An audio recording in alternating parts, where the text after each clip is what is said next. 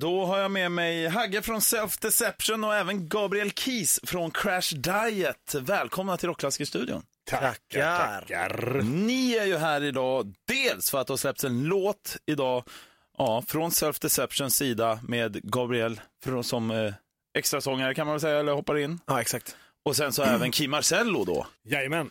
Vi börjar där tycker jag också med den låten, Smoke You Out. Det är ju från förra plattan som ni släppte tidigare i år. Ja, från albumet Shapes. Exakt, men nu gör ni då en ny version av den här för kommande platta. Ja, eller det är precis, som blir reshaped.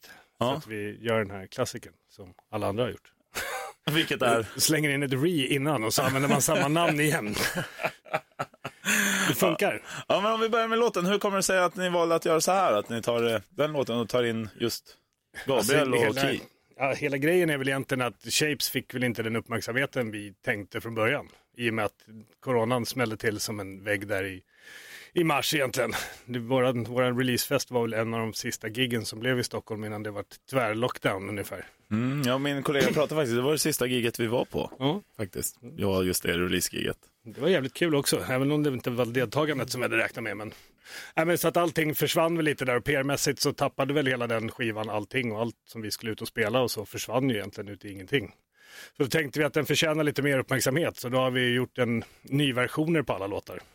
Och då tänkte vi lite att det är bra att ha gästartister och då frågade jag Gabby egentligen om han var intresserad. Ja, vi hade ju snackat rätt långt innan om att vi skulle göra något i framtiden. Absolut. Och sen, och sen så skickade han den här låten som jag Så. kände bara så här, jag håller nästan på att skita på mig för det är så jävla bra liksom. Ja.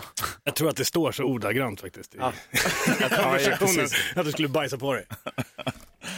Ja, men den är grym. Det- Men, men det är så att kommande platta som släpps 23 oktober, Ja. det är alltså omgjorda versioner av förra plattan. Yes. Det är ingen tillkommen låt eller så. Det är inga nya låtar. Det är gamla låtar i nya versioner. Om man nu kan tycka att låtar som är knappt ett år gamla, gamla. Ja. Det beror på hur man ser det. Ja, för jag tyckte det, ändå två plattor på ett samma år. Jävlar vad ni har varit flitiga liksom. har inte så mycket annat för oss nu än att skriva musik i alla fall. Så att, Nej, jag tänkte fråga er bägge två där faktiskt, hur det är som musiker nu under dessa tider. Eh, Hur, hur går snacket? Det är absolut inget, ingen gynnande verksamhet i dagsläget. Eh, dock så har ju jag eh, lyckats faktiskt få till en del gig i sommar, men det är mindre liksom så här restaurangspelningar, eh, liksom 50 pers som regel.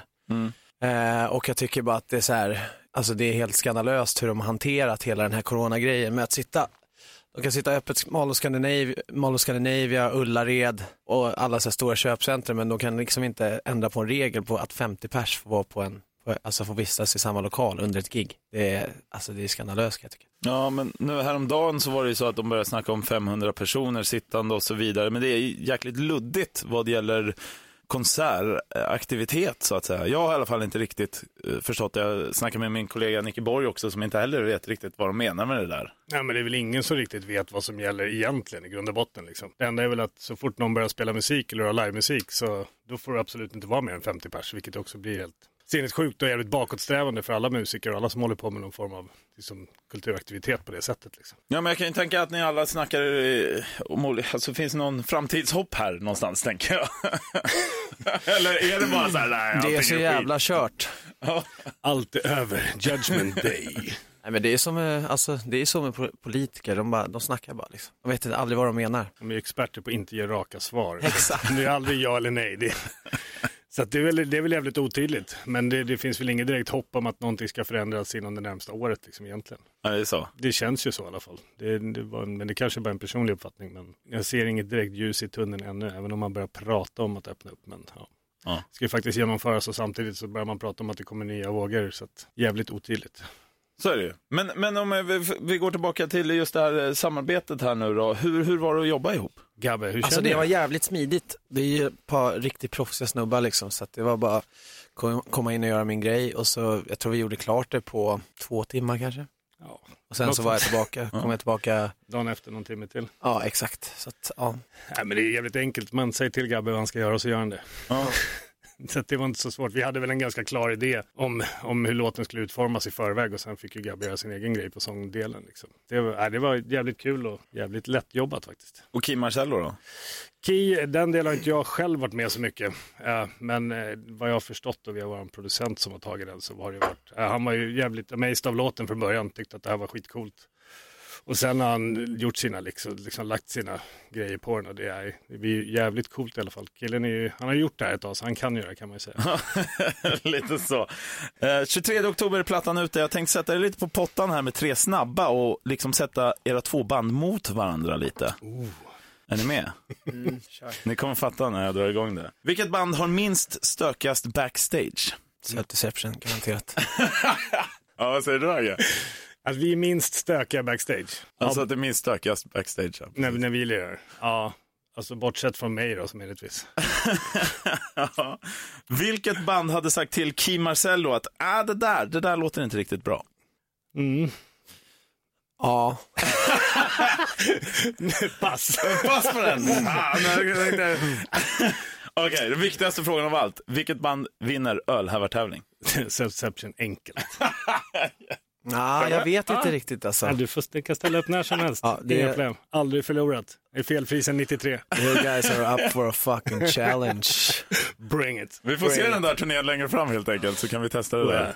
Tack så jättemycket för att ni kom hit. Nya plattan ute alltså 23 oktober, Reshaped. Och jag tänkte vi tar och lyssnar in eh, låten här nu då. Det är väl en bra idé.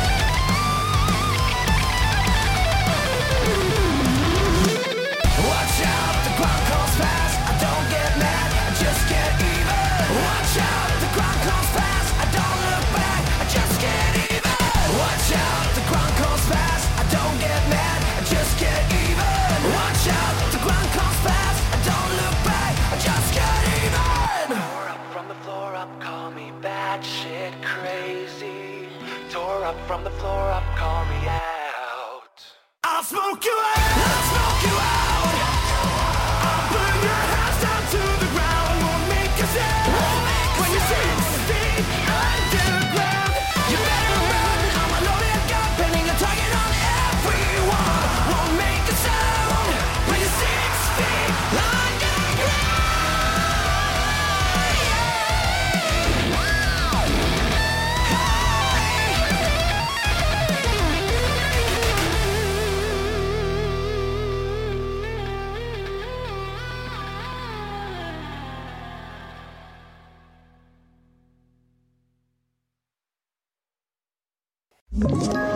Ett poddtips från Podplay.